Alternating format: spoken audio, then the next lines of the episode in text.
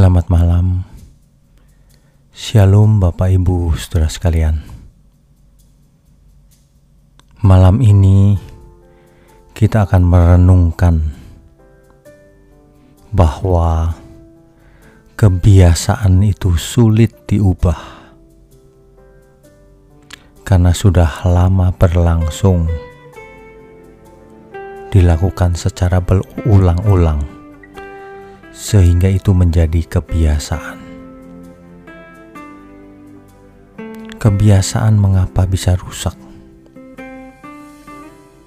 Faktor yang terbesar adalah karena pergaulan. Alkitab berkata di dalam 1 Korintus 15 ayatnya yang ke-33 Janganlah kamu sesat. Pergaulan yang buruk merusakkan kebiasaan yang baik. Saudara sekalian, ada banyak contoh seseorang rusak hanya gara-gara pergaulan yang salah. Itulah sebabnya janganlah bergaul dengan pencemooh, bergaul dengan pecundang, bergaul dengan orang-orang yang negatif pikirannya, hatinya, ucapannya, cara hidupnya.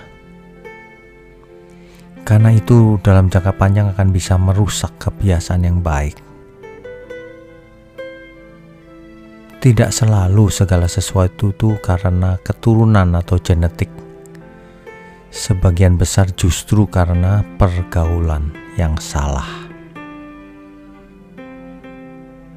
Bapak, ibu, saudara sekalian, itulah sebabnya kita harus memperhatikan bagaimana kita hidup.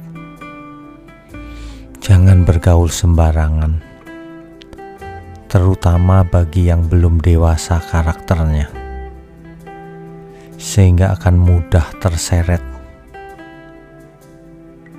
Demikian juga dengan kita semua.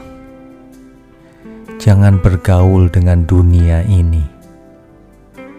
Maksudnya adalah jangan mencontoh cara hidup yang duniawi. Sebab dalam jangka panjang itu akan menjadi kebiasaan. Nah, berubah dari kebiasaan adalah sangat sulit, tetapi semuanya tetap mungkin bisa berubah. Jika seseorang memiliki tekad yang kuat untuk berubah, bersedia membayar harganya berapapun bersedia mematikan kedagingannya, bersedia mematikan dirinya sendiri, sehingga menjadi manusia baru. Tuhan mengingatkan bahwa kalau seseorang tidak melepaskan diri dari segala miliknya, tak dapat jadi murid Tuhan. Makanya, jangan membentuk kebiasaan yang buruk Mari kita punya kebiasaan yang baik, yang berkenan, dan yang sempurna bagi Tuhan.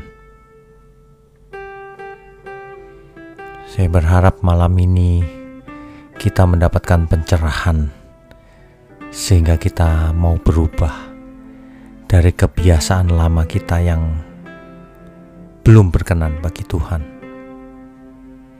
Selamat malam. Selamat beristirahat Bapak Ibu, saudara sekalian. Tuhan memberkati kita semua. Amin.